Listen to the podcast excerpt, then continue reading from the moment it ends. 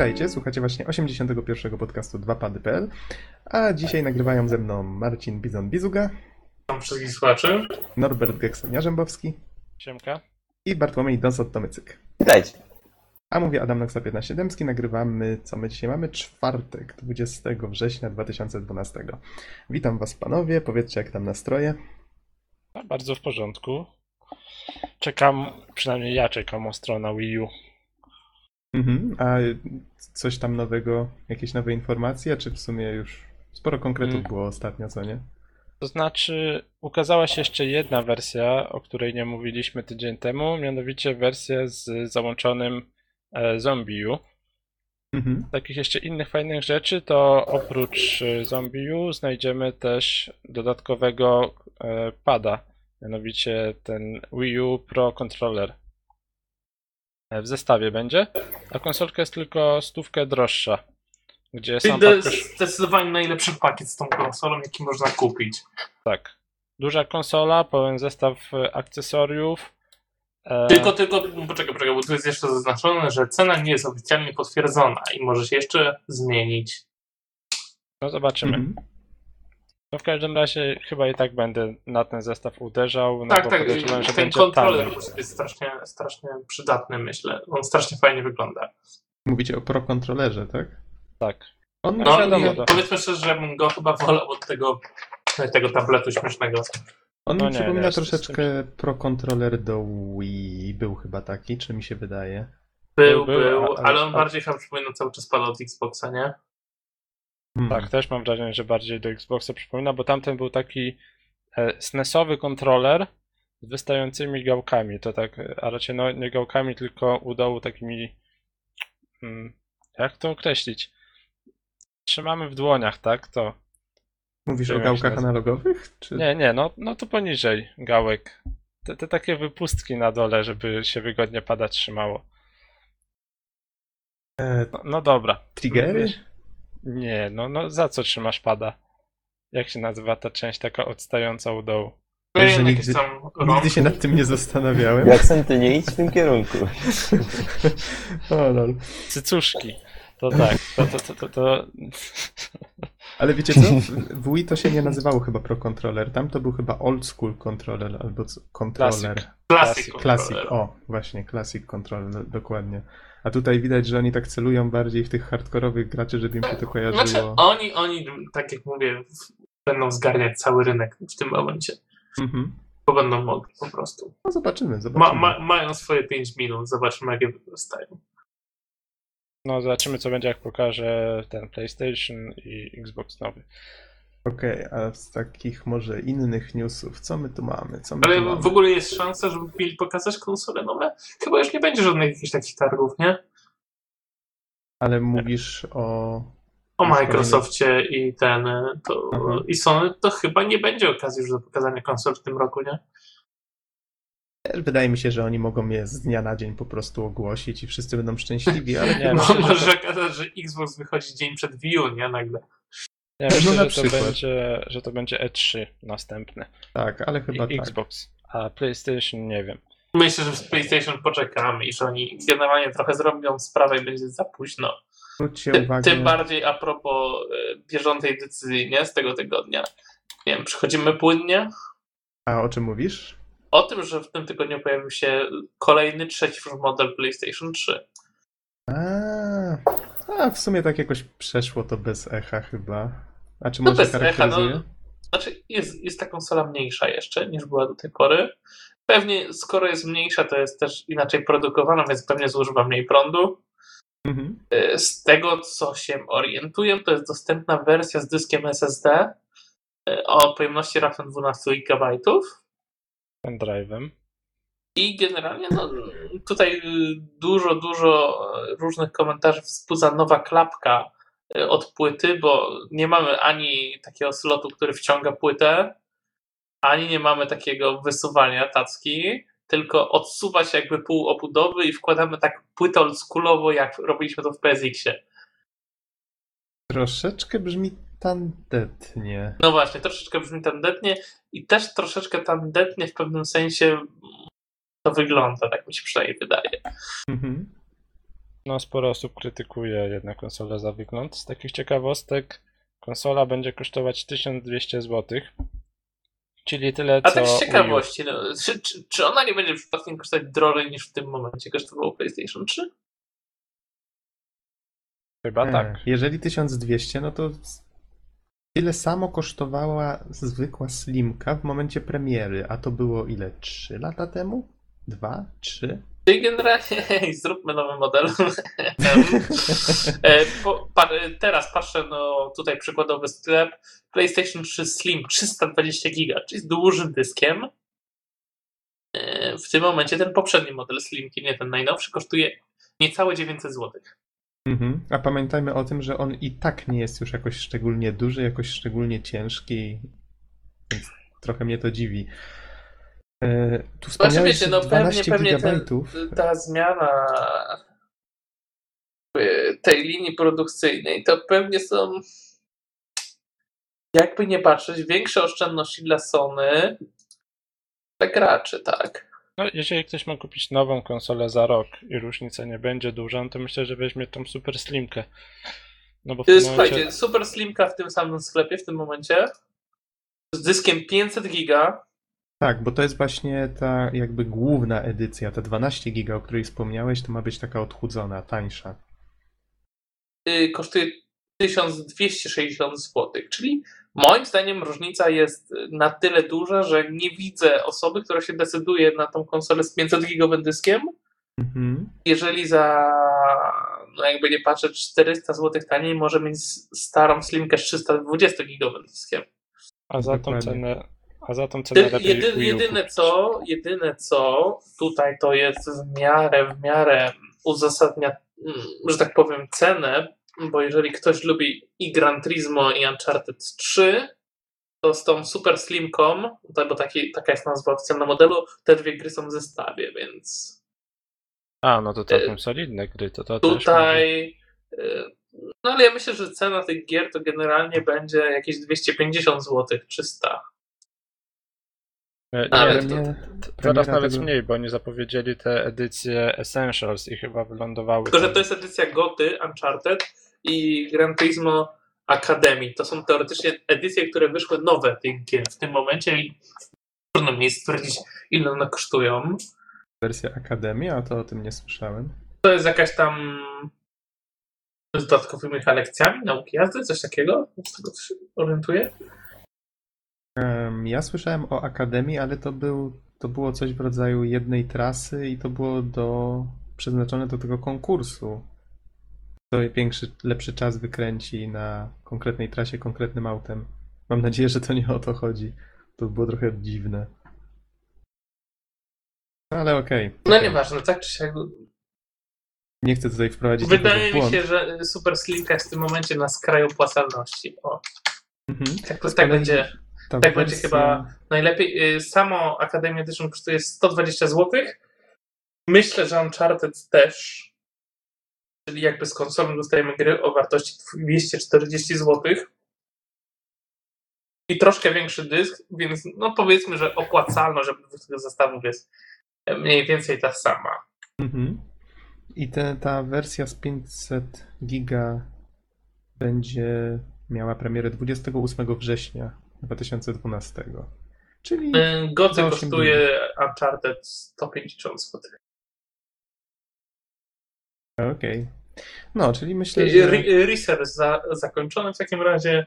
E, tak chyba poza tym to się. myślę, że, że nikogo ta konsola z tych osób, które już mają konsolę, to raczej nikt na tą nie zmieni specjalnie.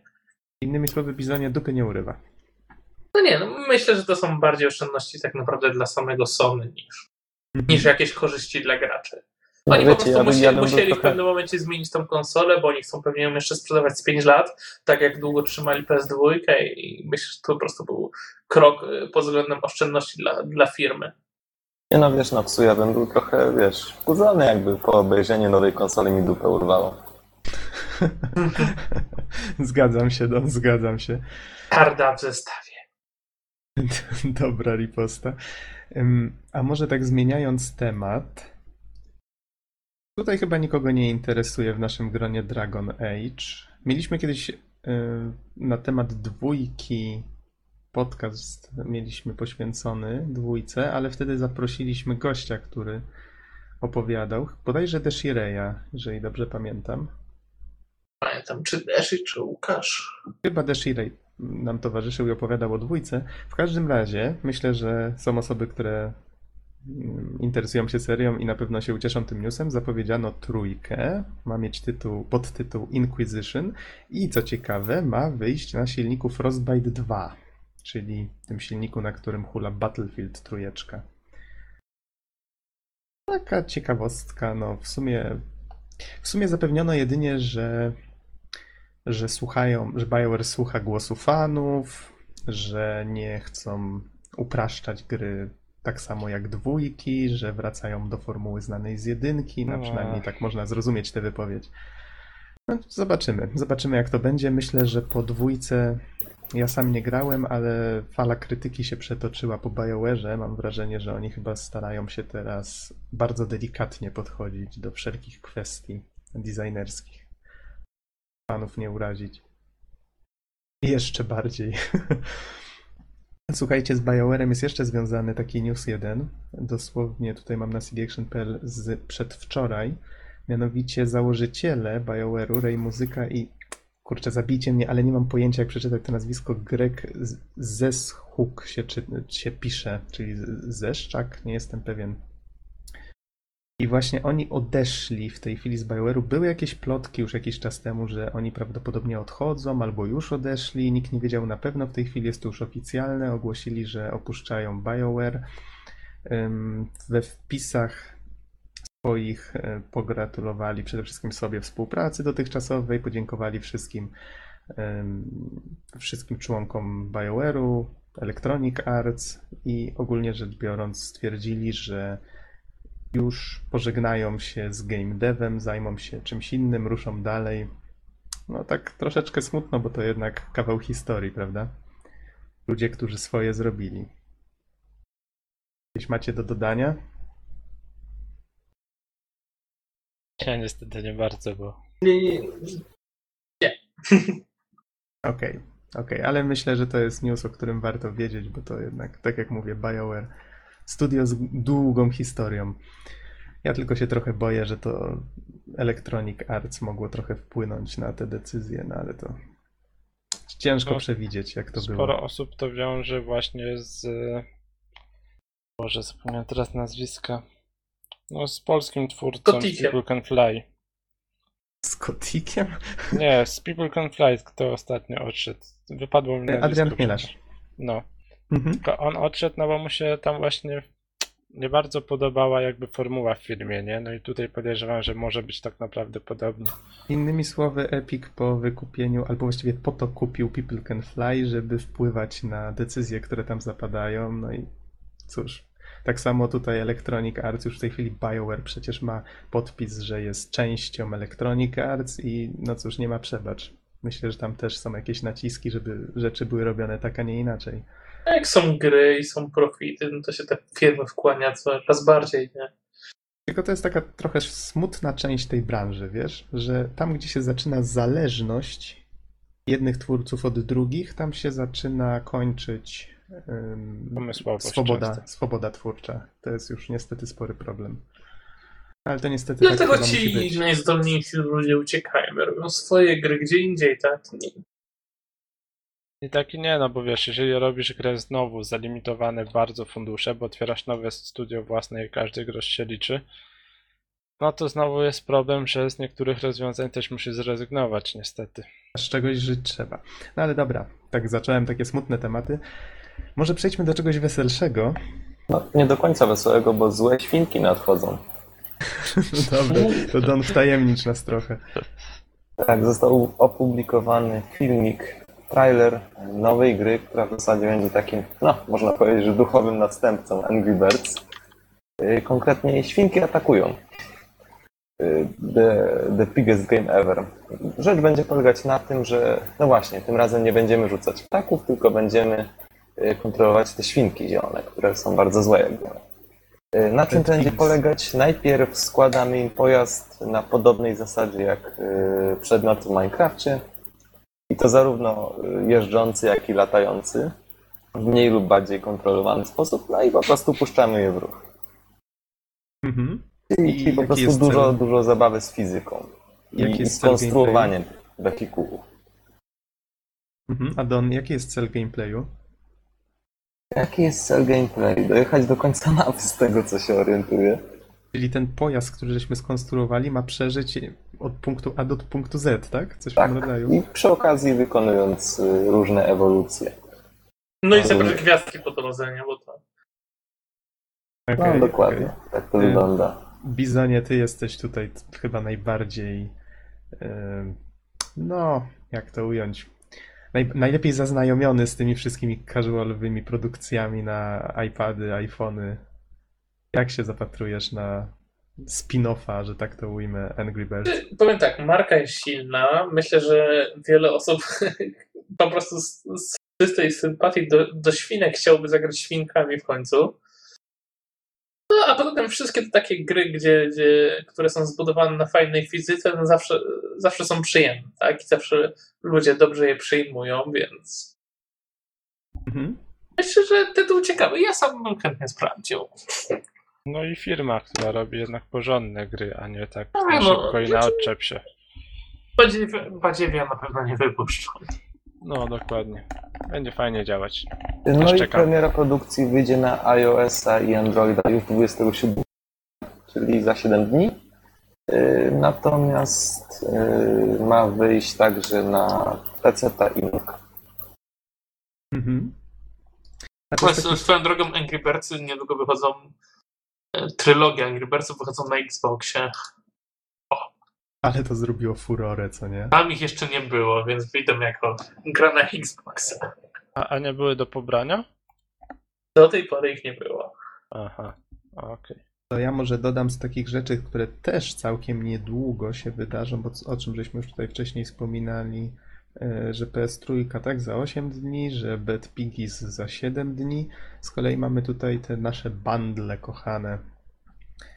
Tutaj jeden Indie Royal bundle trwa jeszcze 5 dni i 16 godzin. Z kolei The Humble Indie Bundle 6 trwa jeszcze 12 dni, całkiem niedawno się rozpoczął. I co Ale tutaj... poczekaj. Jeszcze Mhm. jakiś chyba wystartował. Indigala. Ostatnio. A, faktycznie, faktycznie. Tylko nie mam tu w linkach akurat. Te Be- Angry Birdsy dopiero w grudniu wyjdą na Xboxa. Mhm. Ale dodatkowo wystartowało Indigala i w sumie też jest niezły, bo tam są Wormsy, całkiem przyjemny zestawik i coś jeszcze. To jak masz linka, to może podeślij, to też go dam pod Właśnie podcast. Bo na przykład w Humble Indie Bundle 6 co tu mamy Dust Force, który jest dostępny jak się średnią zapłaci, która w tej chwili wynosi 5,78 dolara. Jest to Rochard, Shatter, Spas, Torchlight, no proszę, Vessel i soundtracki. Z kolei w Indie Royal są tytuły takie jak Swords and Soldiers, Lunar, Lunar Flight. O, to wygląda troszeczkę jak Lander. No proszę. Bunny Must Die, Sequence, Flying Red Barrel, Clion i Cute Things Dying Violently. Brzmi zachęcająco. O, też tak stwierdziłem. Ale szczerze mówiąc, o większości, albo właściwie o wszystkich tych grach to jakoś pierwszy raz słyszę w tym Indie Royal. Ja o Swords and Soldiers słyszałem sporo i nawet przeszedłem, może w następnym podcaście będzie Recka. Zobaczymy. Mhm. A, a Okej. w Indigala e, znajdziemy dwie gry dedykowane na Androida e, Battle Group i Call of Cthulhu The Wasted Land. E, dodatkowo na Steama Wormsy i Alien Breed 2. No jeżeli zapłacimy powyżej średniej, to dostaniemy trylogię całą, czyli jedynkę Director's Cut. E, znaczy, to, to może trylogię Broken Sword, jedynkę, dwójkę i trójkę. Wszystkie w jakichś tam super edycjach, krótko mówiąc. Worms Blast. To taki spin-off serii. Worms Crazy Golf to też spin-off serii. No i na dodatek w drugim tygodniu ukażą się kolejne gry. E, Większość gier oczywiście można sobie na Steamie wykorzystać, że to tak nazwę. Z czego te dwie pierwsze na Androida, tak? Czyli Battle, Battle Group i Call of Cthulhu. Battle Group jest też na ten, na, Dysurze. na desurze. Tak. Faktycznie. Mhm. Okej, co my tu jeszcze mamy? Tak, już żeby może skończyć z newsami. Jeden taki Tak, krótki. kończmy już, bo idę spać. Dobrze, widzenie. Już kończymy z newsami. W takim razie sklep e, move, move.pl. Rany, niedawno oficjalnie się dowiedziałem, jak to się czyta i znowu zapomniałem. Ale niech będzie, że move.pl, ten sklep Senegi. Cyfrowy. W tej chwili można w nim kupować gry i nie płacić za dostawę. Tak wydało mi się, że może niektórym się spodoba. Taka Tak, informacja. absol- absolutnie na wszystkie gry zakupione z płatnością z góry, czyli na przykład przelewem, y, zostają wysłane do nas kurierem za darmo. Mhm. Z kolei kolejny szybki news Project Eternity, czyli ten tajemniczy projekt Obsidian Entertainment twórców y, Baldurów, y, Icewind Dale'ów, y, Planescape Tormenta, no ogólnie rzecz biorąc wszystkich tych wspaniałych, pamiętnych RPGów w rzucie izometrycznym ym, już został, w sumie nie jestem pewien kiedy, ale bardzo, bardzo szybko sfinansowany na Kickstarterze. Do jego rozpoczęcia chcieli uzbierać milion sto tysięcy. Mają w tej chwili milio- milion siedemset sześćdziesiąt trzy tysiące trzysta sześćdziesiąt osiem dolarów. 40, ponad 42 tysiące osób wpłaciło pieniądze i jeszcze 26 dni zostało do końca całej akcji. Na razie niewiele właściwie wiadomo na temat tego projektu. W każdym razie mm, no już samo studio, powiedzmy sobie szczerze, widać, że ludzi zachęca do wpłacania. I właściwie jedyny konkret, który znalazłem e, w filmiku, to to, że faktycznie chcą dalej iść tą drogą rzutu izometrycznego, że wydaje im się, że to faktycznie jest najfajniejszy sposób przedstawiania akcji w tego typu grach. Też myślę, że wielu zwolenników ma, więc nie dziwota, że tyle osób tutaj właśnie finansuje ten projekt. Coś macie do, do, do dodania?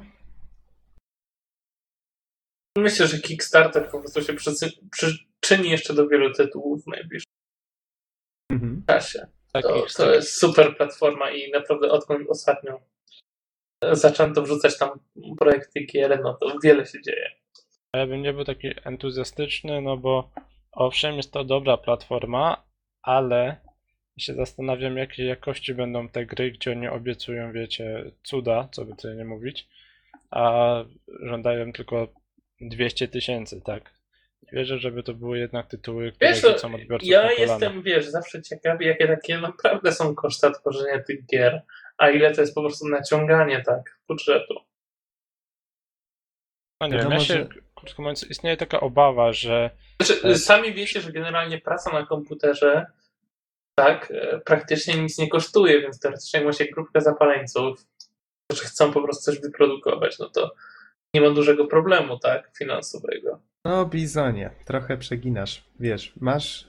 Nie, no, oczywiście są jakieś koszty, tak, ale Nie, nie, masz miesiąc prac.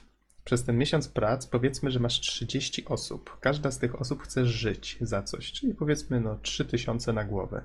Pomnóż sobie 3000 razy 30 osób i przez ilość miesięcy, która jest potrzebna na skończenie tej gry, no powiedzmy 2-3 lata. I się zaczyna robić majątek.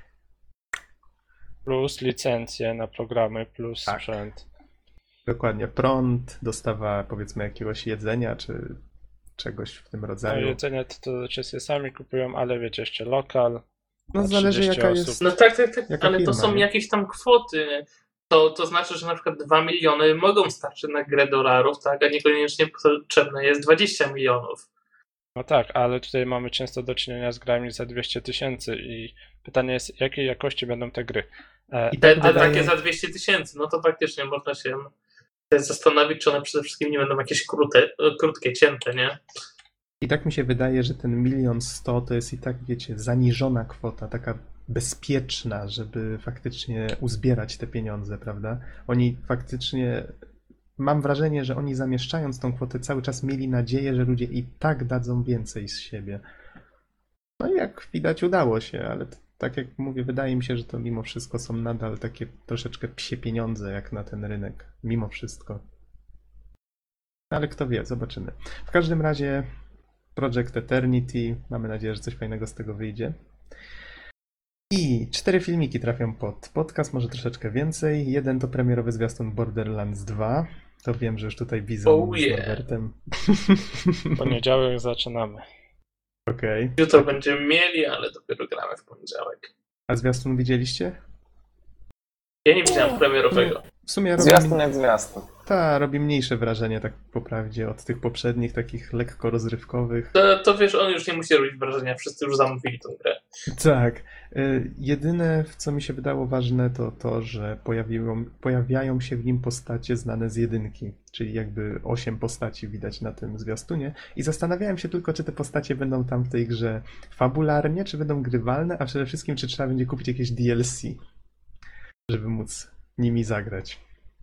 E, Ale to fajny był motyw, nie? Już mogę powiedzieć, że można kupić DLC, podsyłam wam linka. Generalnie już na move.pl jest Season Pack, gdzie za jedyne 120 zł możemy kupić zestaw czterech doda- pakietów dodatków do Borderlands 2. No tak, tak, ale to, to było wiadomo, że będzie ten Season Pass. Em, ale nie wiadomo, czy będą te postacie grywalne cały czas, nie? Pewnie gdzieś tam ogłosili albo w jakimś wywiadzie powiedzieli, tylko wiecie, ja nie śledzę tego aż tak dokładnie. W każdym razie, co jeszcze trafi pod podcast? E, Zabawny filmik wykonany w Source Filmmakerze poświęcony i tutaj tadadam, Black Mesa, o którym za chwilę będziemy mówić. I dwa filmiki, które na pewno się spodobają fanom e, Phoenixa Wrighta, bo jest jeden zwiastun Ace Attorney piątki i jeden zwiastun y, Profesor Layton vs Ace Attorney z Tokyo Game Show 2012, bo właśnie tutaj troszeczkęśmy się zagapili, ale ta impreza już się odbyła, albo właśnie się odbywa, może nawet sprawdzę dla pewności. Norbert, może ty chcesz coś dodać na temat tych zwiastunów? E, to znaczy, podstawowa różnica pomiędzy starymi wydaniami a nowymi, no to jest taka, że gry będą nie będą miały już rysowanej grafiki, a grafikę w 3D. Mhm. Owszem, taką cel shadingową, ale jednak no, to, to już nie będzie to co kiedyś. No nie wiem, tutaj opinie są chyba podzielone, czy to dobrze, czy nie. Ja wolałem grafikę rysowaną, ale z tego co Nox mówiłeś, e, tobie bardziej odpowiada ta grafika 3D, cel shadingowa, więc To znaczy, nie, nie mówię, że mi bardziej odpowiada, ale podoba mi się. Myślę, że Mhm. zrobili dobry kawałek roboty. Mam nadzieję, że w grze faktycznie będzie się to sprawdzać. e, Zwłaszcza, że oni pewnie musieli coś takiego zrobić ze względu na efekt 3D w konsolce, prawda? Żeby to było lepiej widoczne. Nie wiem dlaczego. mogli no bo- zrobić na, na warstwach, ale Ale to nie, No nie było, wiem, nie no. robiłoby takiego wrażenia mimo wszystko. Zostawmy może, zostawmy może na razie ten temat, no bo to można długo, długo dyskutować, myślę. Mhm. Z takich innych ciekawych wieści jeszcze niestety nie znamy daty premier dokładnych w Europie, przynajmniej na, na obecną chwilę. I Jedynie czy, czy zapewniono, gry że- się w ogóle ukażą. Jedynie zapewniono, że Ace Attorney 5 będzie poza Japonią. Tyle wiem.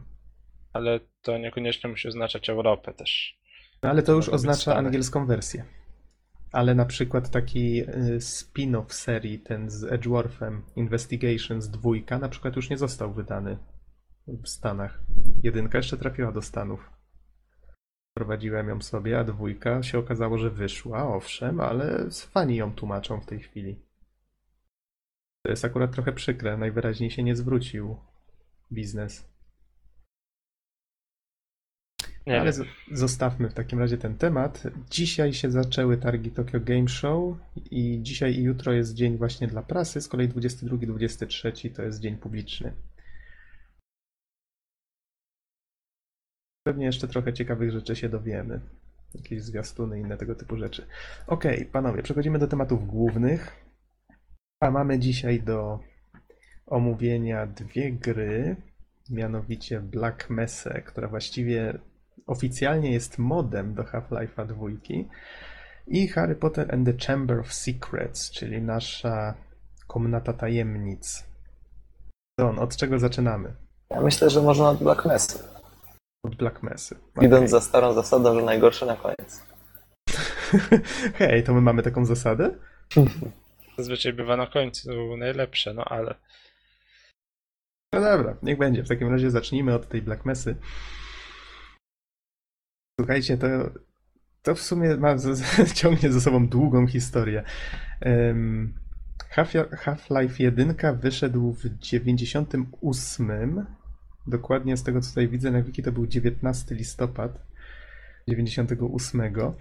I jak wyszła druga dwójka i silnik Source, to wtedy Valve, nie pamiętam dokładnie tylko kiedy, wydało wersję Half-Life Source, która no, teoretycznie fani liczyli, że będzie taką odświeżoną wersją jedynki. W rezultacie tak naprawdę poprawiono jakieś tam tekstury, nie wiem nawet czy modele dopracowano. Nie zagłębiałem się w to zbyt mocno. Liczy się to, że fani byli z tego niezadowoleni i postanowili, że trzeba coś z tym zrobić. W 2004 zaczęli pracę właśnie nad Black Mesa Source i skończyli ją dokładnie, a właściwie opublikowali to, co zrobili 14 września tego roku. Zajęło im to, no cóż, 8 lat. Gra nie jest jeszcze kompletna, to jest to, o co mnie Bizonie pytałeś bodajże wczoraj, ponieważ y, żeby ją wypuścić w końcu po tak długim czekaniu, w 2009 miała być oficjalna premiera, ale fani stwierdzili, że zaczęli, w, znaczy twórcy y, stwierdzili, że w pewnym momencie zaczęli ciąć co się da w tej grze, żeby ją tylko wypuścić.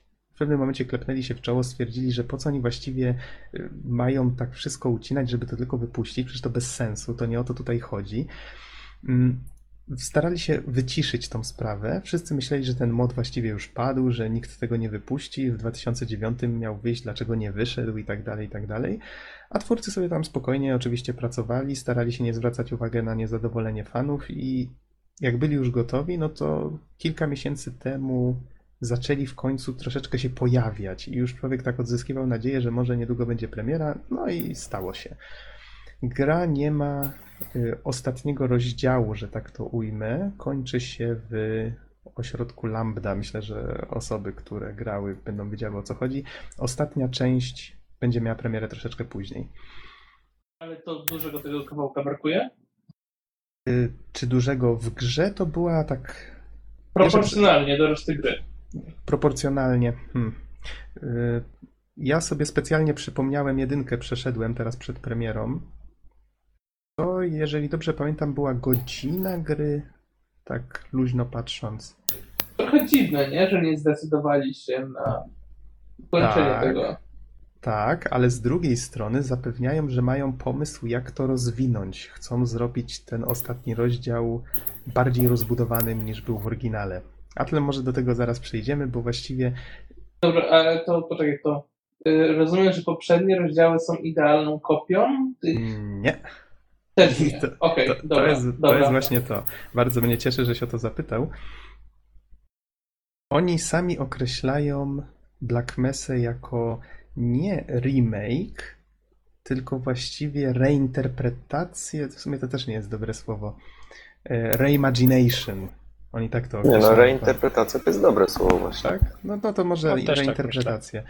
Y, Chodziło o to, żeby nie próbować kopiować, tak jak zrobił to właśnie Valve z, ze swoją wersją Source, która właściwie była takim pójściem po najmniejszej linii oporu, czyli, no wiecie, usprawnijmy parę tekstur, w sumie jakieś dodatkowe efekty z Source'a wrzućmy i, i puszczajmy.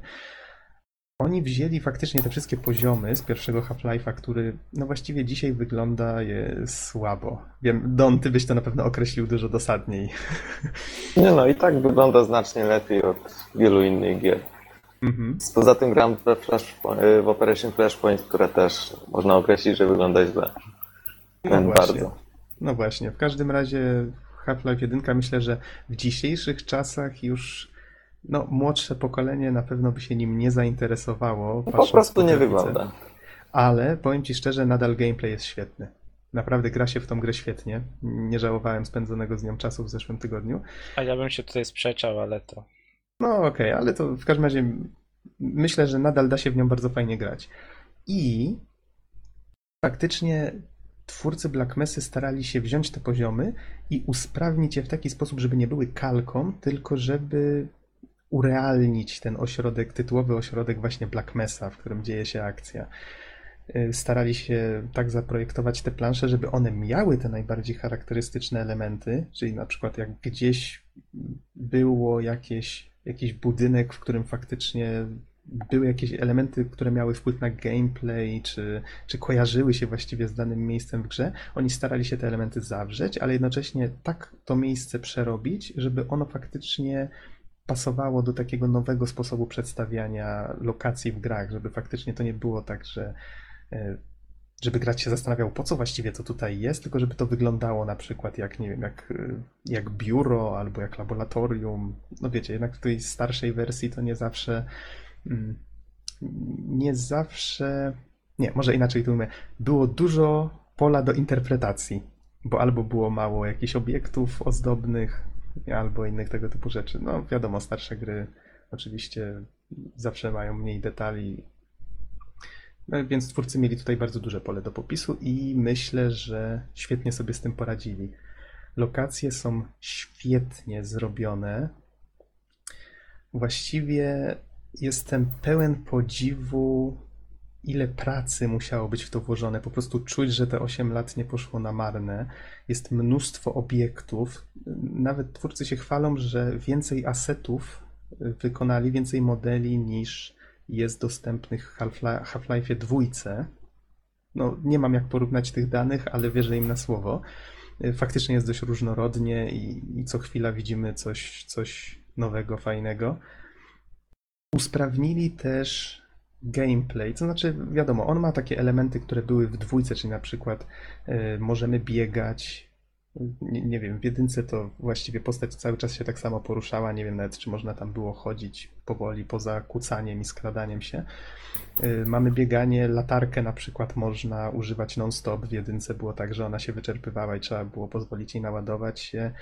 Y, No takie drobiazgi. W sumie nawet nie warto o tym wspominać. Jest za to fizyka, coś co właśnie wprowadził Source najważniejszego, że można sobie stoczyć beczkę z, z, y, z jakiegoś miejsca, czy faktycznie rozwalić jakąś skrzynkę, żeby wszystko, co na niej stało, się posypało. To, jak wyszła dwójka, robiło bardzo duże wrażenie. W tej chwili, no właściwie robi wrażenie tylko, jeżeli się spojrzy na to, jak działała jedynka, która właściwie tej fizyki w ogóle nie miała. Jest oczywiście ragdoll, więc wszystkie te takie nowe bariery zostały tutaj wyrzucone. Mm, Co by tu jeszcze? Co by tu jeszcze? Przede wszystkim gameplayowo też troszeczkę urozmaicono te lokacje, czyli na przykład to nie jest tak, że tak jak wspomniałem, jakaś kalka wszystkich zagadek i tym podobnych rzeczy. Teraz wzięto tą fizykę i wykorzystano ją na przykład, żeby w niektórych miejscach y, urozmaicić troszeczkę gameplay. Na przykład musimy wziąć jakąś, jakieś pokrętło, Valve, oczywiście czerwone, duże, żeby się kojarzyło z tym znakiem firmowym firmy, firmy i na przykład przenieść się do jakiegoś innego miejsca, przyczepić, dopiero wtedy przekręcić, żeby sobie otworzyć drogę. Pamiętam, że było jeszcze kilka takich różnych miejsc, gdzie faktycznie gameplay troszeczkę się różnił, na przykład na polu minowym, tak jak wcześniej właściwie nie mieliśmy zielonego pojęcia, gdzie zaraz nas coś rozsadzi, tak tutaj mamy wystające z ziemi pręty i możemy z pistoletu je potraktować. Oczywiście wokół lata mnóstwo headcrabów, żeby było jeszcze weselej. E, Co tam jeszcze? Może w sumie nie będę zdradzał zbyt dużo takich rzeczy. Myślę, że warto samemu, jeżeli zna się jedynkę, warto samemu spróbować zagrać i zobaczyć, jak fani przerobili to na coś nowego, fajnego. I muszę przyznać, że faktycznie wiele miejsc, które wcześniej no, po prostu były kolejnym etapem, kolejnym pomieszczeniem, tutaj starano się wybrać kilka takich, żeby faktycznie jakoś tak zrobić z nich em, taki mind blow experience, co nie, żeby to faktycznie, że leci jakaś muzyka fajna w tle, robi się jakaś fajna akcja, na przykład e, w głównym holu e, takiego jednego budynku w... A, kurczę, nie, nie pamiętam jak się nazywał ten, ten rozdział, ale to myślę, że fani, fani na pewno będą wiedzieli o co chodzi.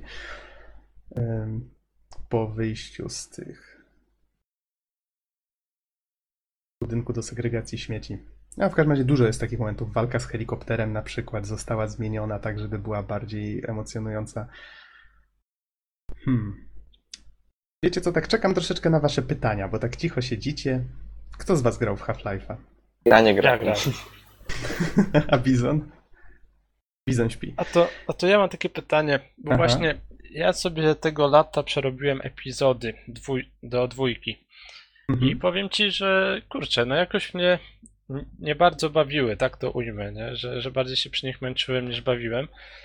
E, No i nie wiem, no i czy na przykład jest ten stary system apteczek i tak dalej, czy przebudowali to na jakiś taki bardziej aktualny styl?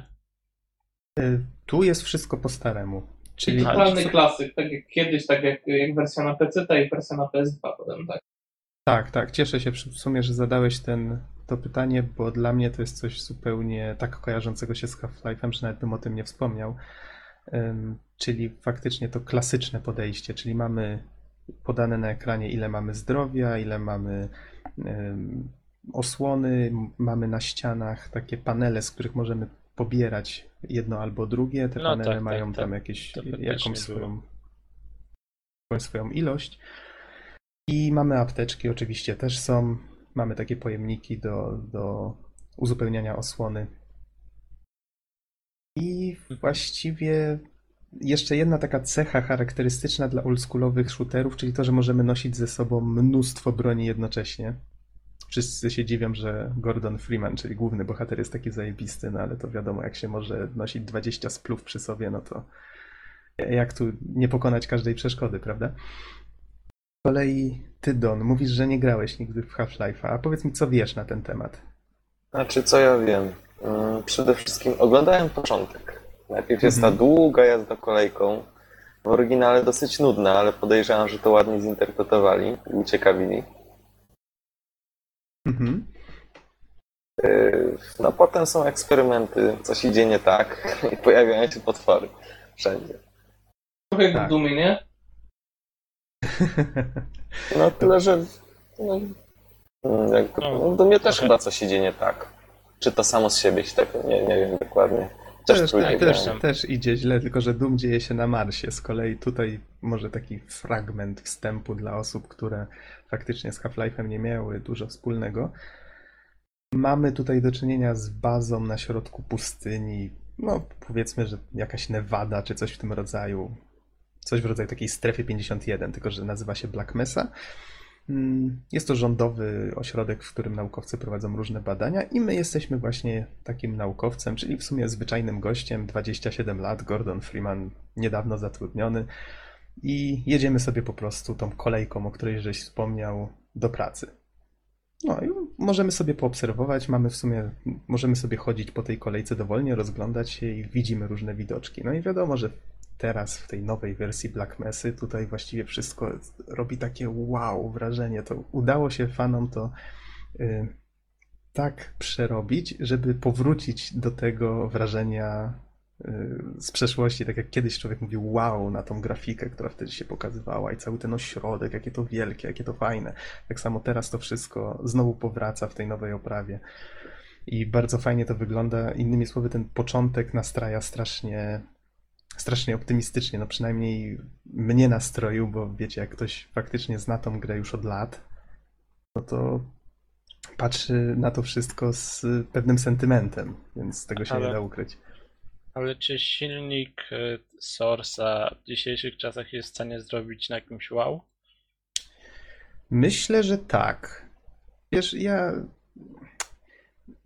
nie będę tutaj narzekał na, na to, że grafika jest taka czy owaka. To nie jest Crysis.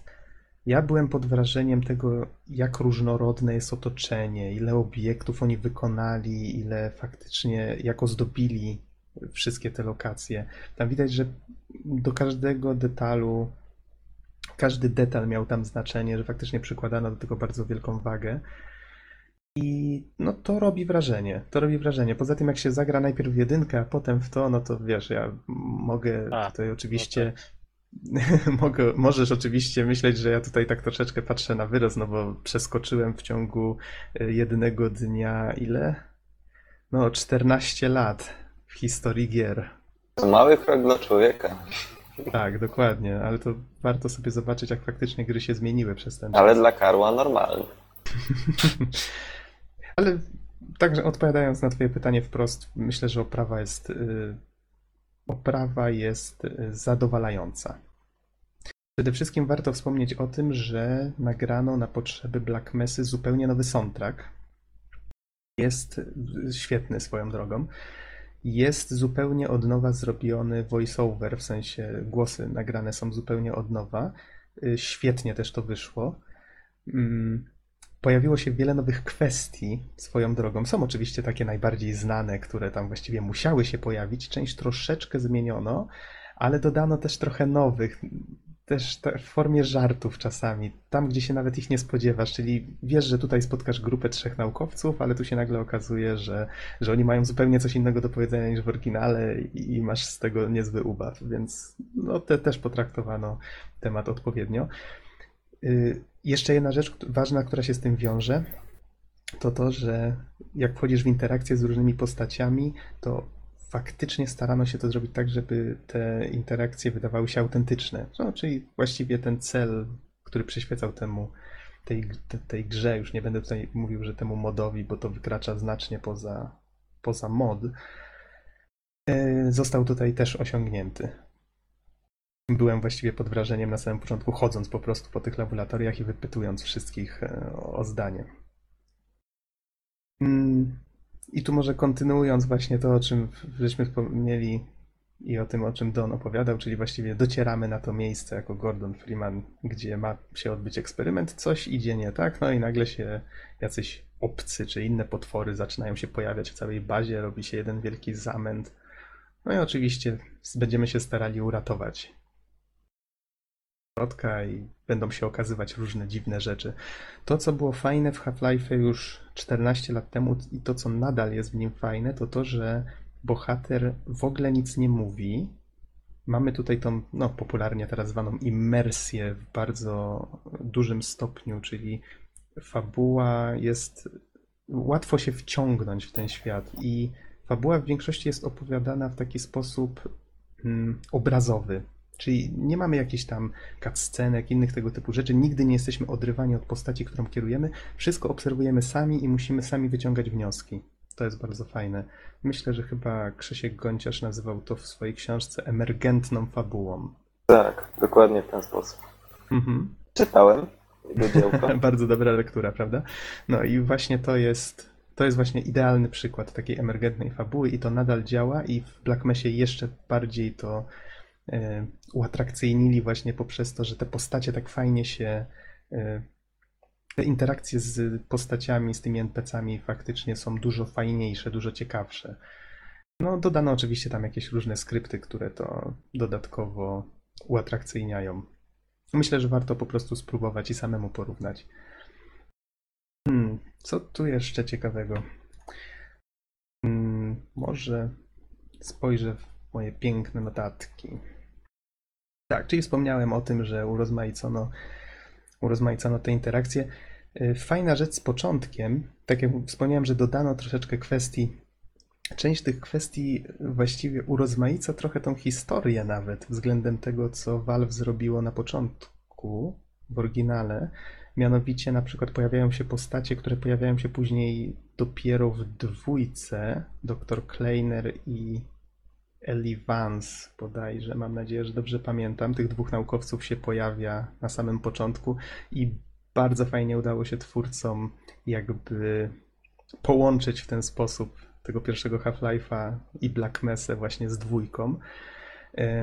Poza tym fajny sposób pokazali poprzez dialogi to, że ta cała, ten cały zespół tych naukowców jakoś tak niespecjalnie za tym Freemanem przepada. Znaczy, może inaczej, przepadają za nim, ale wszyscy mówią, że o, spóźniłeś się Freeman, tam ktoś tam bąknie, że no, to teraz jak tutaj już wsadzisz tą próbkę tam do tego generatora czy do czegoś, no to wtedy znowu cię czeka mnóstwo roboty, papierkowej roboty. I ty wtedy tak myślisz, o, a żeby zaraz się wydarzyło coś zajebistego, nie wiem, jakiś wybuch czy whatever, nie? Więc Najlepiej w jego głowie. tak, dokładnie. Siedzisz w jego głowie i, i w sumie to mi tylko, to mnie tylko utwierdziło w przekonaniu, że te zmiany, które fani wprowadzili, faktycznie zrobiły tej historii na, na lepsze. I to, co w dwójce się wydaje takie, takie, no, nie wiem, czy powiedzieć, że fajne, czy, czy po prostu, że jest to taką cechą charakterystyczną, że wszyscy patrzą na tego Freemana jak jakiegoś bohatera. Tak samo tutaj fani tak starali się tą historię urozmaicić, żeby faktycznie pokazywać, jak ta legenda jego to, jak otoczenie jakby go kreowało, znaczy, jak wpłynęło na tą postać, jak właściwie ona była budowana właśnie przez to, co się działo w tym ośrodku. Może przynajmniej całkiem fajnie to wyszło. E, O, o bieganiu wspomniałem, o tych, e, o latarce wspomniałem, o fizyce ragdollu wspomniałem. E, Większa rola pomocników. Tak jak można było w jedynce sobie na przykład poprosić jakiegoś ochroniarza, żeby za nami poszedł, tak samo tutaj oczywiście też można. Y, Faktycznie tutaj są bardziej przydatni, mam wrażenie.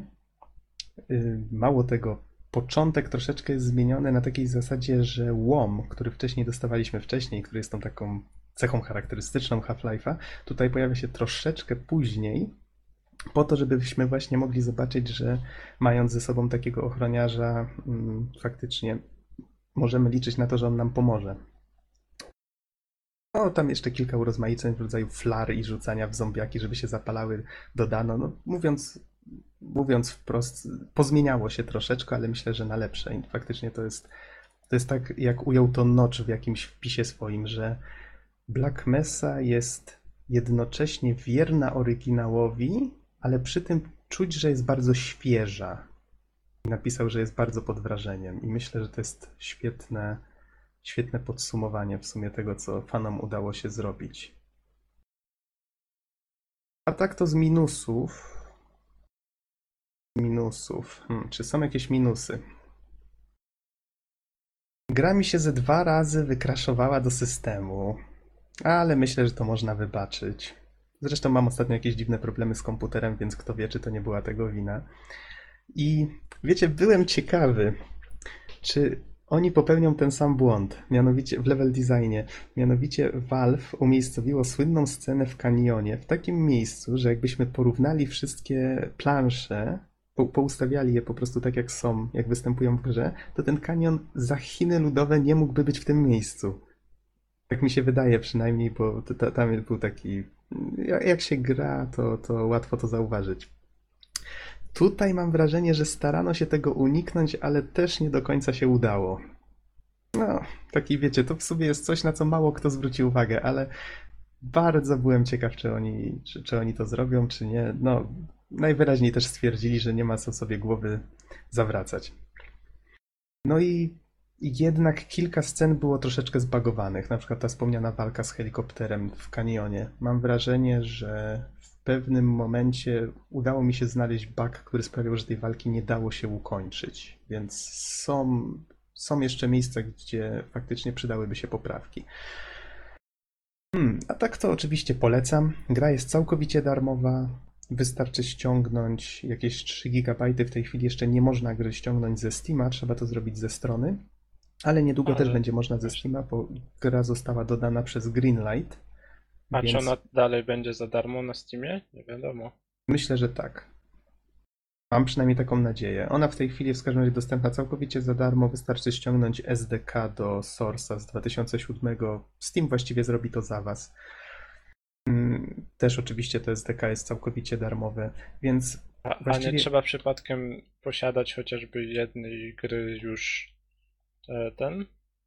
Tak było kiedyś. Mam, mam wrażenie, że twórcy kiedyś o czymś takim pisali. Ja chyba na naszym Facebooku napisałem w tej chwili, że można albo mieć SDK, albo jakąś grę na Steamie, ale okazało się, że, że po prostu trzeba SDK ściągnąć, nie trzeba mieć nawet żadnej gry na Steamie. Więc dodatek jest w każdym razie całkowicie darmowy i każdy może zobaczyć sobie właśnie, wejść w skórę Gordona Freemana i jeszcze raz przeżyć Half-Life'a.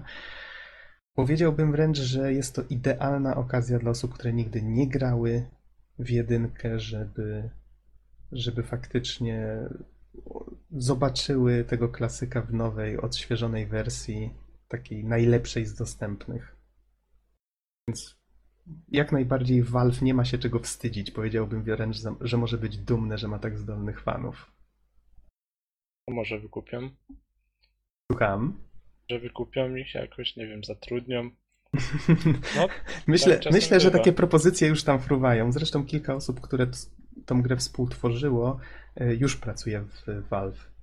aha. Pamiętam, że kiedyś czytałem, że jakiegoś gościa od tekstu im tam, wiecie, podebrali i tak dalej, więc Valve na pewno śledziło, co tam się działo z tym no, modem w cudzysłowie, bo mówię, dla mnie to jest zupełnie nowa gra. Tyle pracy w to włożono, że aż mm, Aha dymi. Czy panowie są jakieś pytania? E, Ja nie mam, nie wiem jak tam. Don? Mówisz, że warto, krótko mówiąc. Jeżeli ktoś komuś się podoba i, i nie odraża go ten stary gameplay, ten oldschoolowy, no to Ale powiedz mi, co miałoby kogoś odrzucać w takim starym gameplayu w strzelankach? Mm, Nie wiem, no mi na przykład Half-Life dwójka, te epizody, no jakoś nie porywały, co by tutaj nie mówić. Mhm. Znaczy, epizod pierwszy, zgadzam się, on, on nie był jakoś taki zbyt ciekawy. Dwójka mi się bardzo podobała za to. Dwójka lepsza, ale też, też no, od, to, to już nie dzisiejsze standardy, o tak to ujmę. Mhm. No nie wiem, może to w takim razie kwestia gustu. W każdym razie myślę, że warto spróbować. Zwłaszcza, że wiecie, nic was to nie kosztuje. Gra jest naprawdę świetna. Co prawda urwana w pewnym momencie, tak jak wspomniałem, ale faktycznie zakończenie jest tak zrobione, że wow. Strasznie dużo roboty musieli włożyć w tą ostatnią lokację, że tak to ujmę. Wygląda świetnie. Jestem bardzo ciekaw właśnie, co jeszcze nas czeka w Ksenie w tej ostatniej części gry, której tam jeszcze nie ma. Gra się kończy niestety napisem to be continued, ale, ale mam nadzieję, że nie będziemy musieli na to czekać kolejnych 8 lat. Czy Don, jako osoba, która nie grała w Half-Life'a, masz jeszcze jakieś pytania? Hmm. Co, tak generalnie oglądam sobie właśnie gameplay. W zasadzie to kawałek kilkuminutowy.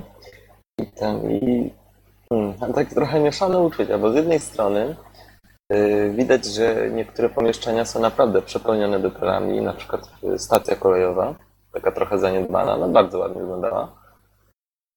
Yy, z drugiej strony jednak widać, że na przykład pewne korytarze, one też są całkowicie puste. Mhm. Nie ma żadnych tam stoliczków ani, ani innych rzeczy.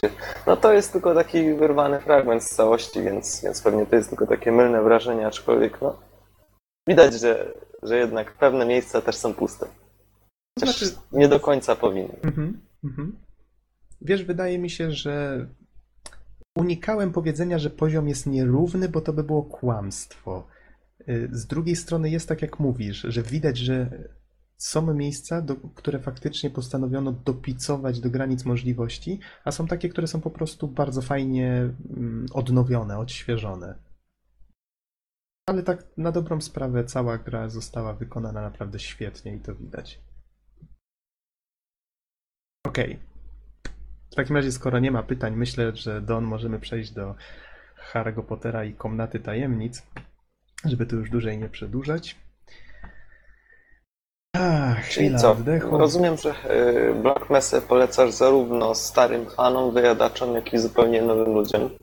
Tak, myślę, że jeżeli ktokolwiek się powstrzymywał do tej pory przed zagraniem w pierwszego Half-Life'a, ale myślał o tym gdzieś tam, ale kiedyś, tak myślę, że to jest najlepszy moment, żeby właśnie do tej gry wrócić.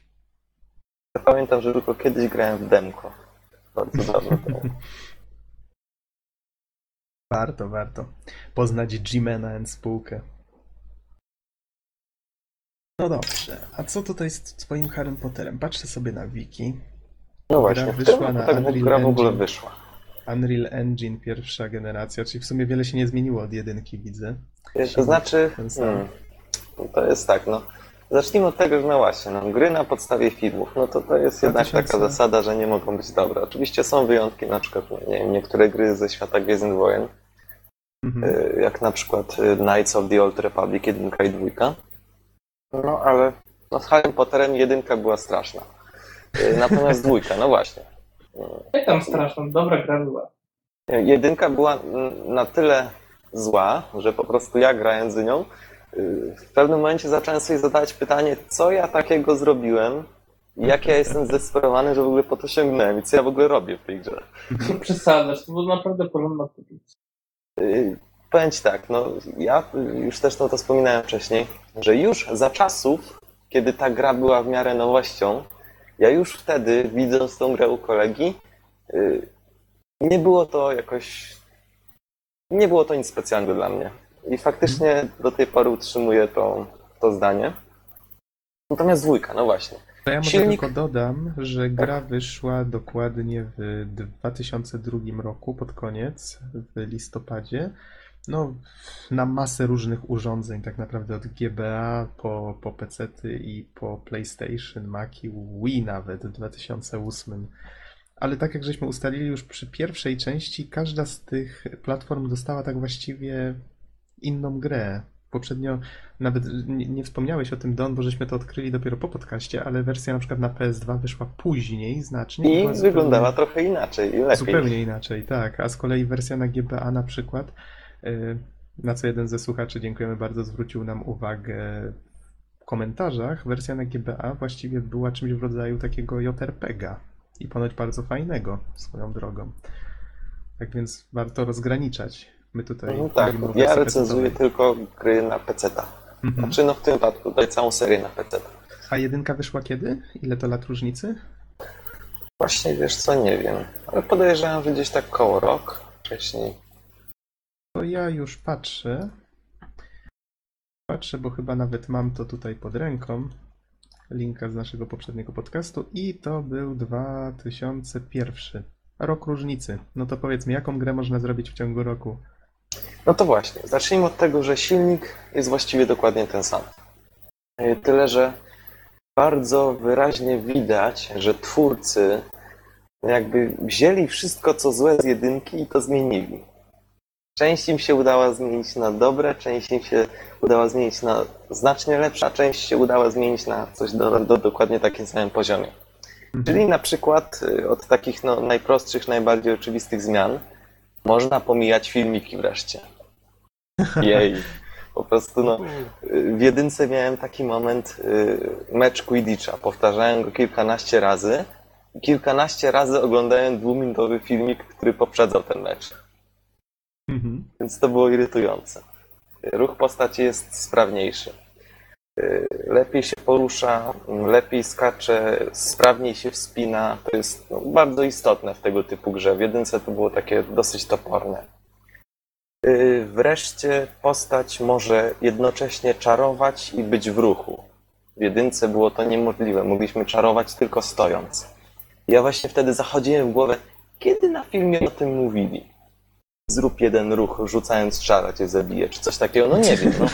Albo ani, ani kroku dalej, jak, jak rzucasz czar, to jest taka zasada. Nie wiem, zastanawiałem się, gdzie na filmie był taki moment, że oni nie mogą się poruszać, kiedy rzucają zaklęcia. Ja nie wiem. To przez takich jak oni na Pandorze nie ma już drzew. Więc, więc na szczęście, na szczęście to poprawili. Okej. Można się, y, można rzucać zaklęcia w ruchu nawet podczas skoku, co jest fajne. Y, też poprawili celowanie czarami. Y, praca kamery jest... Wow, ktoś tu nas mocno drażni telefonem.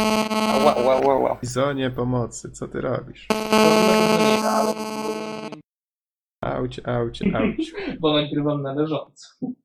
Dostaniemy za Moim chwilę zdaniem to mnóstwo znowu Voldemort. pozwów o uszkodzone słuch. Ale Wciąż nie widzą, serio. Nie ma żadnego telefonu. Już? Chyba tak. Chyba Poszła eksplozja? Bomba atomowa wybuchła koło domu Bizona. Bizonie, czy żyjesz? No bo dobrze, że grałem w Fallouta. Jestem. A, to sobie poradzisz. Ja A, spoko, mam własny skron. Dobrze, to teraz wyłącz komórki w schronie. Don chyba jest bezpiecznie. Ja myślę, że to Voldemort. On cały czas, kiedy, kiedy o tym Harrym Potterze nie wspomnę, to on Ja nie mogę, faktycznie. Poprzednio też były problemy, tylko że wtedy cię rozłączało non-stop. Ja myślę, że to jest jakaś klątwa po prostu. No, no i tyle. Dobra, Ja nie myślę, że dajmy ktoś się. rzucił zwyczajnie czar. Nie ma, nie ma innego rozwiązania. W każdym razie w drugiej części gry praca kamery jest znacznie lepsza. Na przykład w jedynce, kiedy staliśmy na platformie, nie mogliśmy poruszać kamery w pionie, co jest bardzo dziwne. Mhm. W dwójce na szczęście to poprawili. Y, Generalnie rzecz biorąc, jeśli chodzi o grafikę, y, no to na pewno nie zmieniło się nic, jeśli chodzi o postacie czy rozdzielczość tekstur. To wszystko jest na takim samym poziomie. Tyle że, tyle, że widać, że o wiele sensowniej podeszli, podeszli y, do, do, do robienia tych leveli, czyli na przykład taki prosty efekt został dodany jak y, światło i cień. W zasadzie nie ma efektu cienia, ale jest efekt ciemności, czyli na przykład wokół świeczek, jakichś źródeł światła jest jasno, na przykład gdzieś tam w kącie jest ciemno. I teraz naprawdę bardzo fajnie klimatycznie wyglądają te wszystkie korytarze Hogwartu, y, oświetlone właśnie światłem świec. Bardzo klimatycznie i tak, no to jestem bardzo na tak. Y, Teoretycznie jest to tylko jakaś tam drobna silnikowa zmiana, że do- dodane zostały tam te światła i cienie, y, ale no to naprawdę robi znacznie większą różnicę. Natomiast cały level design o wiele się zmienił bardzo na korzyść. Generalnie rzecz biorąc, teraz y, Hogwart to nie jest tor przeszkód, jeden wielki, tylko to jest jedna wielka logiczna lokacja. Czyli możemy sobie spacerować po Hogwarcie, yy, no, nie mając po drodze jakichś tam torów przeszkód i platform. Po prostu spacerujemy sobie po tej uczelni. Są normalne piętra, są normalne korytarze, które gdzieś prowadzą. Prowadzą do sal lekcyjnych i tak dalej. Także został odzorowany, no można powiedzieć w ten sposób, czy zinterpretowany, że tak mógłby wyglądać Hogwart. Można sobie po nim spokojnie spacerować oraz po, yy, po terenach, do, które do niego yy, należą. Czyli no, dosłownie można sobie po nim pospacerować. To jest bardzo, yy, bardzo fajne. Oczywiście jest też ku temu powód, dlatego że jakby na całej długości tej lokacji, tej jednej wielkiej lokacji, są poukrywane skrytki, znajdki w jakichś tam skrzyniach, skrytkach, czy w lustrach, czy w jakichś innych przedmiotach. Dużo tego jest. Miejsca, w których można znaleźć te draże, które- się Draże? zbiera. Masz na myśli fasolki Berniego. Bota? Tak, te dragi. Okej. Yy, No właśnie, i oprócz tego możemy także zbierać karty czarodzieja, które są rozsiane wszędzie. No i mamy oczywiście karty brązowe, srebrne i złote. Im więcej ich zbierzemy, tym oczywiście lepiej. Możemy sobie potem przejrzeć. I co jest ciekawe, w czasie gry oczywiście poznajemy różne zaklęcia. I yy, do niektórych skrytek, yy, by się dostać, trzeba użyć pewnego zaklęcia. No i oczywiście Możemy w miejsce, gdzie jest ta zagadka, wejść w dowolnym momencie gry, ale natomiast możemy je aktywować dopiero, kiedy zdobędziemy to zaklęcie. Co jest bardzo fajne, czyli taka, no też no, postawili twórcy na taką pewną eksplorację, czyli jeśli ktoś chciałby sobie tą grę wymaksować, no to faktycznie sobie tam pospaceruje i poodkrywa sekrety. To myślę, że na przykład Noxa by bardzo zadowoliło. Ja w tą grę grałem. To była jedna z dwóch. To ta, o której żeś poprzednio mówił i ta część, to, to w te jeszcze grałem. W trójkę już chyba nie. I pamiętam, że ta mi się też bardzo podobała. No właśnie. Zniknąłeś tam. Yy, więc kurczę, czekajcie chwilkę, mnie tutaj ktoś rozprasza. Dobrze, już, już jestem. Yy, generalnie rzecz biorąc. Sophie, tak? Mówię, że Voldemort, Voldemort, cię tak, dobra. Już to ustaliliśmy. Yy, czyli tak, kontentu jest yy, znacznie, znacznie więcej niż w jedynce. Generalnie rzecz biorąc, yy, uświadomi, uświadomił mi to dopiero sam początek gry. Po prostu w pierwszych dwóch, trzech poziomach zmieścił się cały kontent z jedynki. Wszystkie czary, wszystkie potwory. Więc to był taki. Takie szturknięcie. Hej, zobacz, no, pierwsze dwa poziomy to już wszystko tam jest. I, A przypomnij mi, tam potem dużo było nowych czarów i elementów. y, Czarów jest kilka razy więcej niż w jedynce, chyba z 8 albo 10. Także, osiem, także osiem fajnie. razy? No, nie, nie, nie. 10 czarów, 8 czarów, coś, coś koło tego. Aha, aha, okej. Natomiast w jedynce było, nie wiem, ze 3, 4 góra. Mhm. Także, także jest więcej. Doszło dużo czarów i no, są wykorzystywane bardzo fajnie, bo różnorodnie, tak. Mamy różne na tych poziomach te zagadki jakieś. Trzeba tych czarów po prostu używać wszystkich. To jest bardzo fajne, przeplatanie się. Zostały także po Hogwarcie są rozsiane takie eliksiry. No nie eliksiry, kotły. Możemy sobie w nich uważać eliksir, w sumie tylko jeden. Y, Potrzebujemy do niego dwóch składników, y, które też oczywiście możemy sobie znaleźć y, spacerując po lokacjach. I takie kotły oczywiście, jeśli podejdziemy do niego, to Harry zaczyna, macha, y, zaczyna nim mieszać. Z tego co bardzo uważnie patrzyłem, chyba miesza różdżką. Możemy sobie wyczarować eliksir, który po prostu nam dodaje hapeków. I w zasadzie do tego się wszystko sprowadza zyskujemy te draże. mm, Fasolki.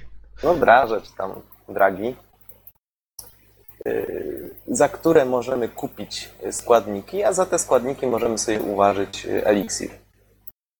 Ja nie jestem pewien, czy tego eliksiru możemy użyć w dowolnym momencie, czy dopiero kiedy giniemy. Mi się po prostu nie chciało tego sprawdzać w kontroli, więc na dobrą sprawę do końca gry uzbierało mi się ich kilkanaście. Ale kiedy postać ginęła, no to on automatycznie sobie łykał. Co jest Co, coś w rodzaju takiego respawnu, tak? Nie, no po prostu kiedy było 0 hapeków, to zamiast ginąć, to szybko sobie łyknął. Takie zapasowe życie. No, no to no, coś takiego. Ładnie to ująłeś. Yy, bardzo istotna rzecz, Quidditch, który bardzo istotnie to też mocno co zaakcentowałem w poprzedniej recenzji, to był pain in the ass, dosłownie, tak. No. Kamera pracy była straszna, całość była zupełnie niegrywalna i z tego co pamiętam, tego w ogóle się nie dało przegrać. Yy, Tutaj rzecz ma się zupełnie inaczej. Teraz nie latamy sami, tylko Harry sam leci za zniczem. Yy, No właśnie, i my kontrolujemy jedynie bodajże myszką jego ruchy lewo, prawo, góra, dół i tak dalej. Czyli innymi słowy zostało to zrobione tak, byśmy my y, omijali przeszkody, które gdzieś tam mogą się pojawić y, po drodze, czyli no, głównie innych zawodników. Albo, no nie wiem, jeśli leci blisko tych y, trybun, to też, żeby się nie, mm, jest nie to, władować. taki, jest to taki lot na szynach. Tak, dokładnie. Mhm. Pierwsze, pierwsze moje jakby wrażenia z tego, że takie rozwiązanie no po prostu daje twórcom duże możliwości, żeby, żeby po prostu wprowadzić gracza w różne ciekawe filmowe sceny, prawda? Czyli no, wiemy, że w, w drugiej części e, Harry z Malfoyem tam, na tych miotłach mocno się tłukli. Oczywiście ten motyw jest bardzo luźno e, w grze przedstawiony w zasadzie powiedziałbym nawet prawie w ogóle. To jest jeszcze bardziej istotne i na co ja osobiście bardzo czekałem. W drugiej części filmu, e, kiedy ten bazyliszek zaczyna atakować, zostaje urządzony taki fight club między czarodziejami, e, czyli pojedynki. W Mhm. filmie wyglądało to tak, że obaj czarodziei stali na takim jednym długim stole, no, na, chyba na 10 metrów, naprzeciwko siebie, no i oczywiście mieli rzucić jakiś czar, który miał po prostu rozłożyć przeciwnika. To było zajęcie, że się tak wyrażę, dodatkowe w ramach obrony własnej przeciwko temu potworowi. To Bardzo nie, nie używaj takiego skomplikowanego słownictwa, bo się rok szkolny niedawno zaczął, to wiesz. Nie dobijajmy. Y, Więc y, w filmie wyglądało to bardzo epicko, a w grze jak to wygląda? Generalnie rzecz biorąc, ja przez całą grę y, uczestniczyłem w jednej walce, tylko w jednej, bo w jednej trzeba było. W kolejnych y, jest to zupełna dowolność. Natomiast jak to wygląda? Mamy taką niewielką arenę, gdzieś 20 na 10 metrów, 20 długości, 10 szerokości, podzielonej na dwa obszary. Y, Na każdym z tych obszarów y, może się poruszać jeden czarodziej i ci czarodzieje nie mogą wejść na obszar przeciwnika, to znaczy taka dosyć istotna rzecz. Nie można skakać, y, można się tylko poruszać i rzucać oczywiście zaklęcia. Zaklęcia są trzy. Pierwsze to bodajże Sectum Sempra, czyli no, atak.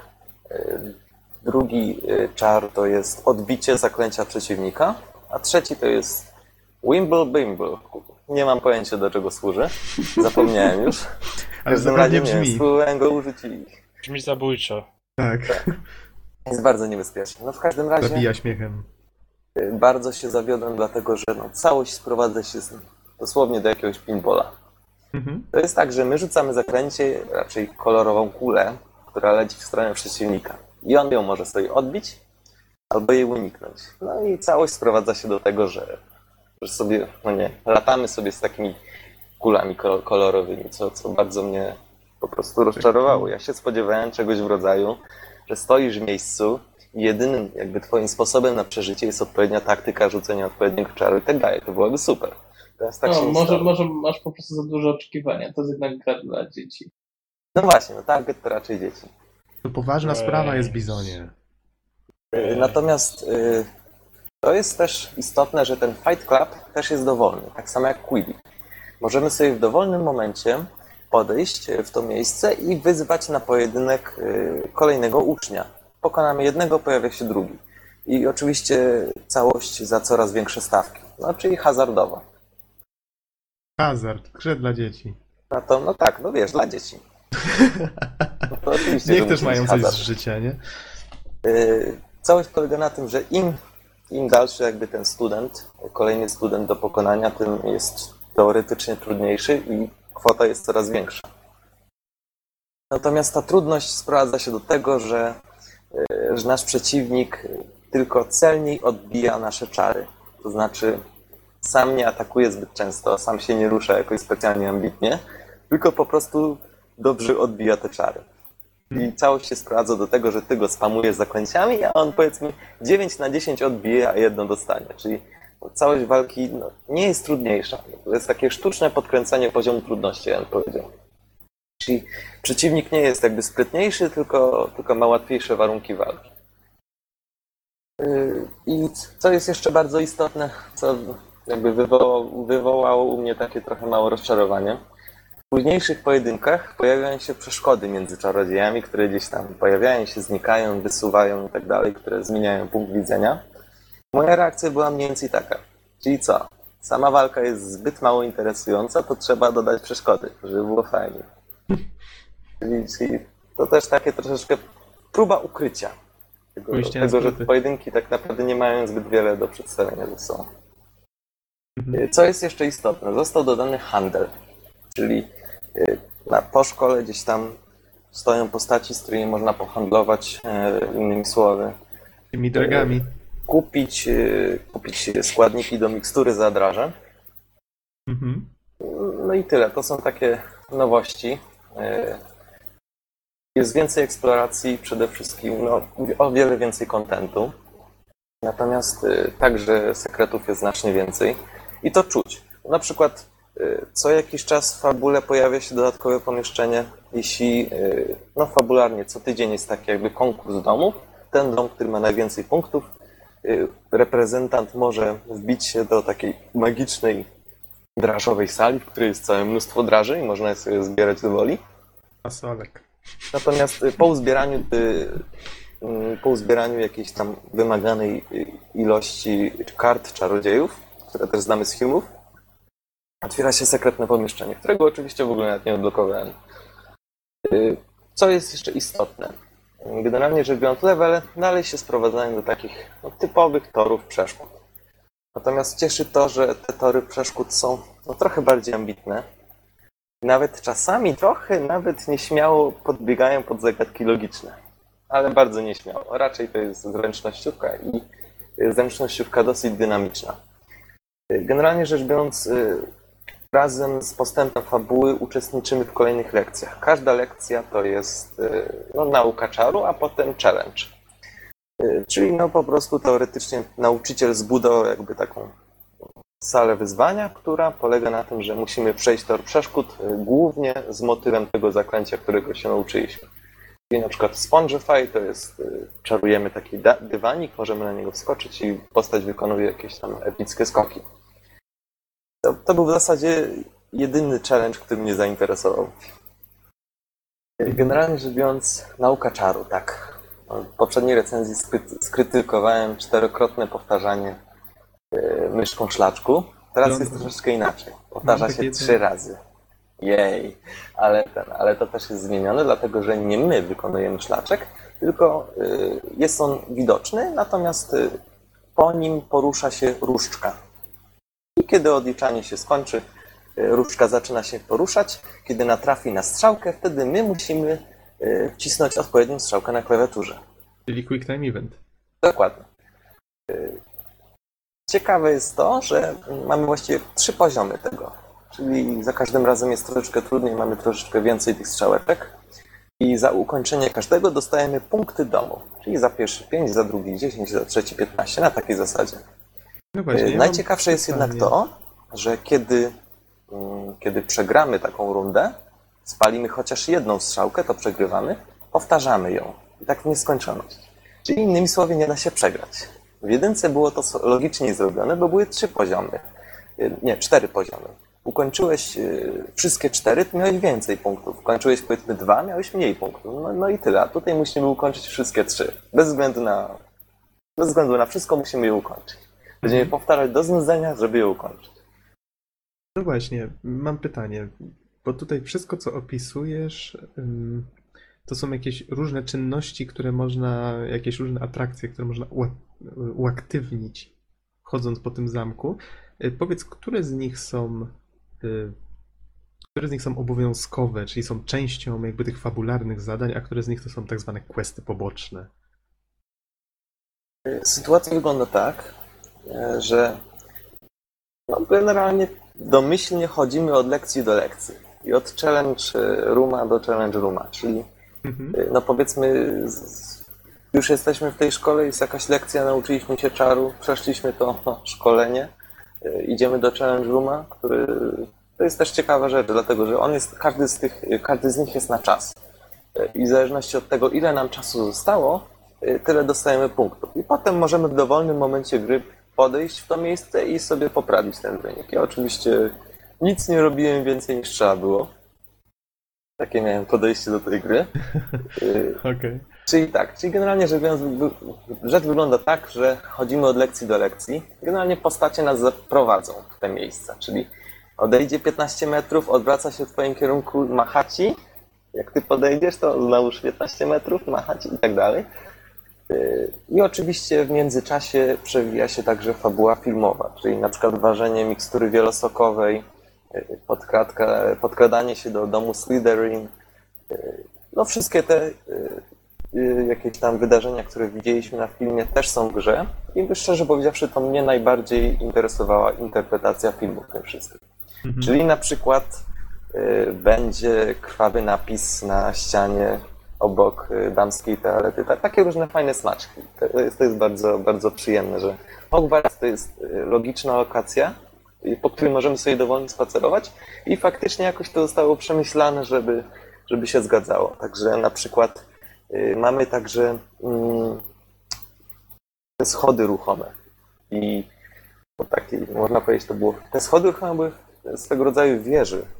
To był bardzo pionowy pokój, że się tak wyrażę, pełny obrazów. Wreszcie obrazy tutaj są, obrazów jest bardzo dużo. No i wreszcie wygląda to tak, jak powinno wyglądć. No A żyją super. te obrazy? Nie ruszają się, ale, no ale grunt, że są. A na jednym obrazie brakuje postaci. Więc, więc tak jakby się poruszyła, tak? No prawie.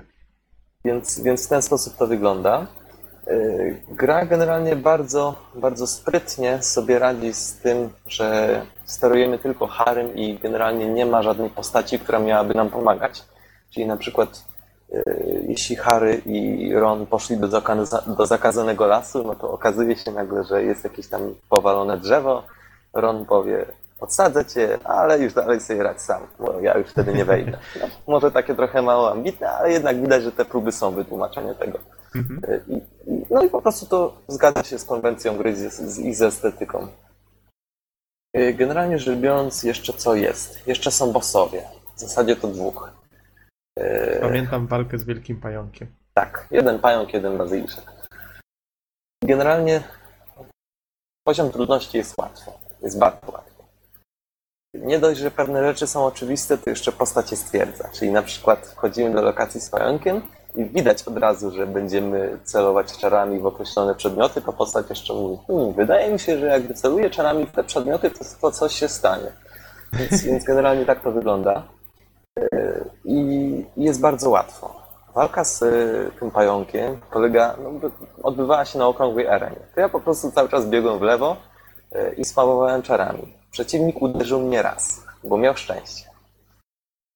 No właśnie, i tak to wyglądało. Na dobrą sprawę tylko, tylko ostatni boss y, troszeczkę, mm, troszeczkę kosztował mnie wysiłku, bo robił uniki przed czarami. To też jest ciekawe. Natomiast poza tym, poza tym praktycznie podczas całej gry może ze 3-4 razy w ogóle ktoś mnie uderzył. Ktoś moją postać uderzył i, i tak to wygląda. Pamiętam, że końcówka gry swojego czasu robiła wrażenie, ale to wiadomo, człowiek był pod wpływem jeszcze tych Harry książek i działało to na wyobraźnię. Mi się osobiście podobało, że ostatecznie taką nata tajemnic y, przypomina tą filmową. Mhm. Jest ta, tak zaprojektowana, żeby no chociaż w jakimś stopniu wyglądać. No, no jest bardzo w porządku, to mi się podoba. W jedynce było z tym gorzej, prawda?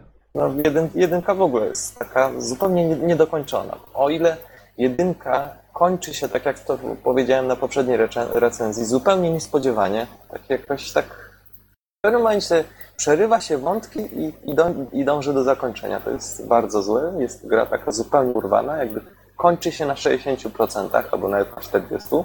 Mhm. O tyle dwójka y, z kompozycją wszystko jest w porządku, fabuła rozwija się równomiernie, mamy ten punkt y, kulminacyjny, impact i zakończenie, także wszystko jest w porządku, gra trwa, trwa tyle, ile powinna trwać.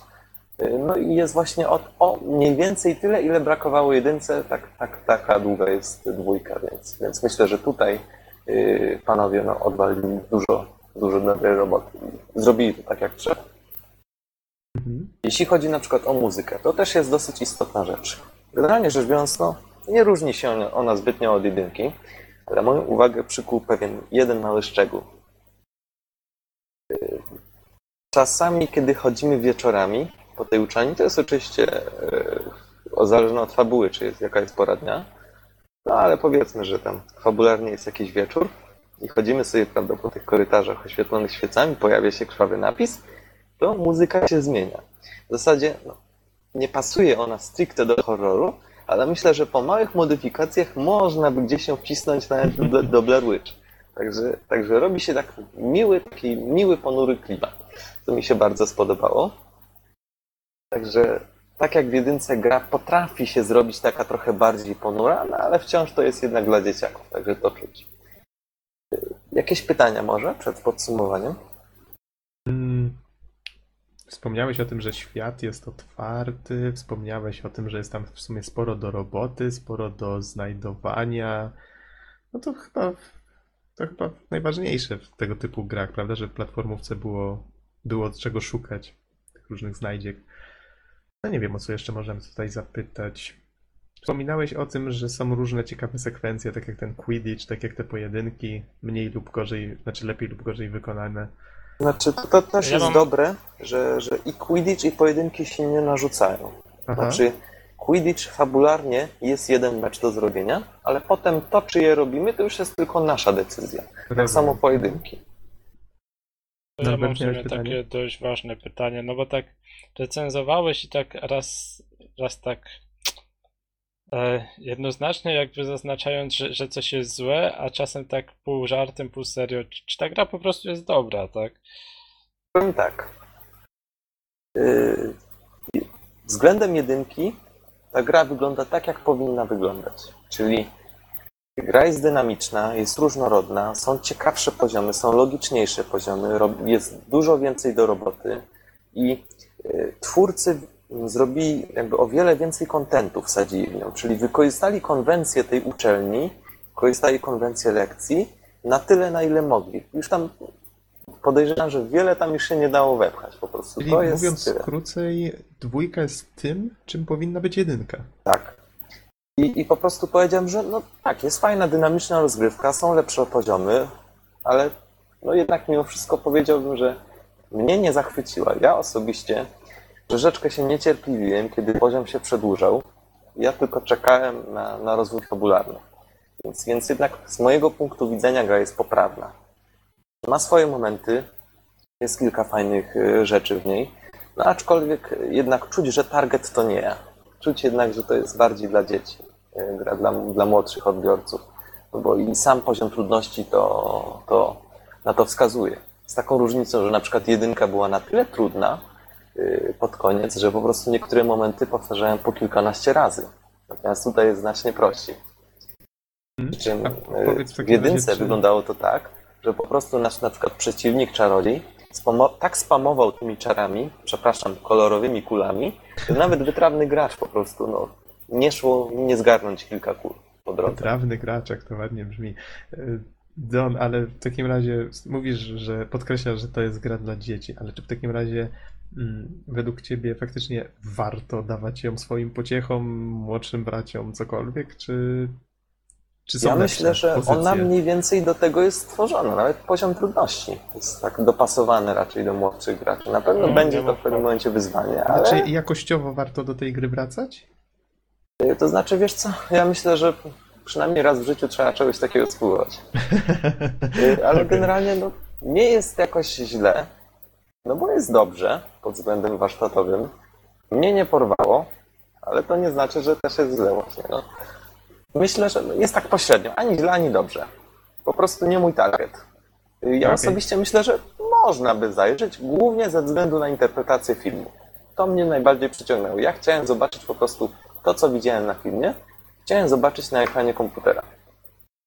I to mnie przyciągnęło i jedyną rzeczą właściwie to, na co czekałem, był po prostu postęp fabularny. Jakieś scenki nawiązujące y, do, do jakichś wydarzeń z filmu, y, minigierki z tym związane. Na, te, na tego typu rzeczy czekałem.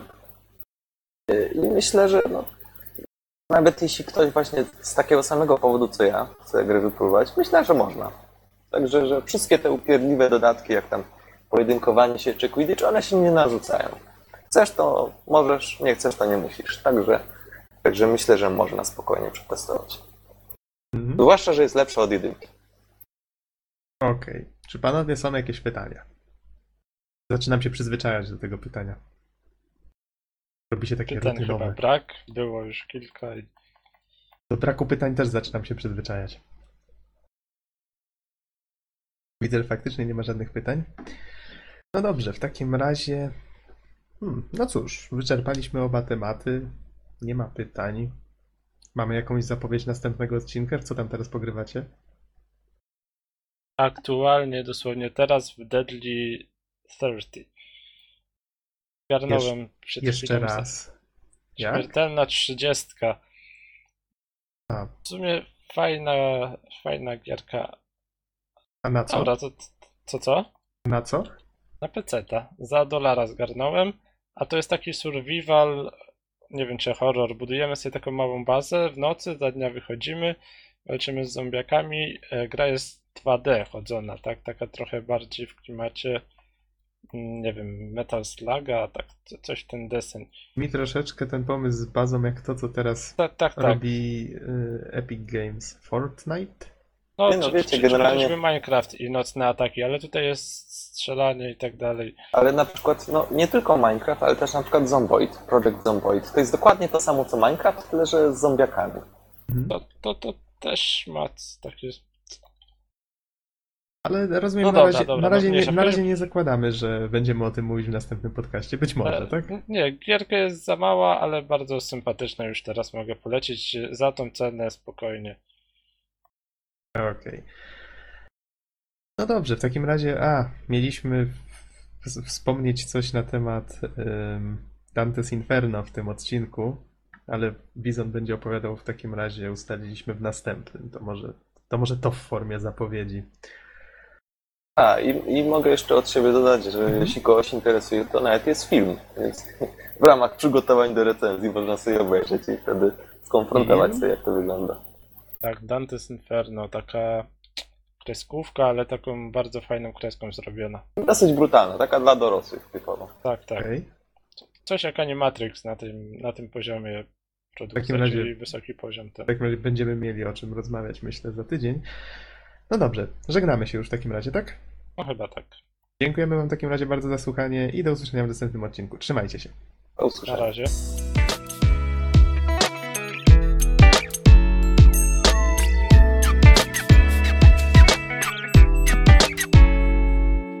Dobra, to żegnamy się za Bizona.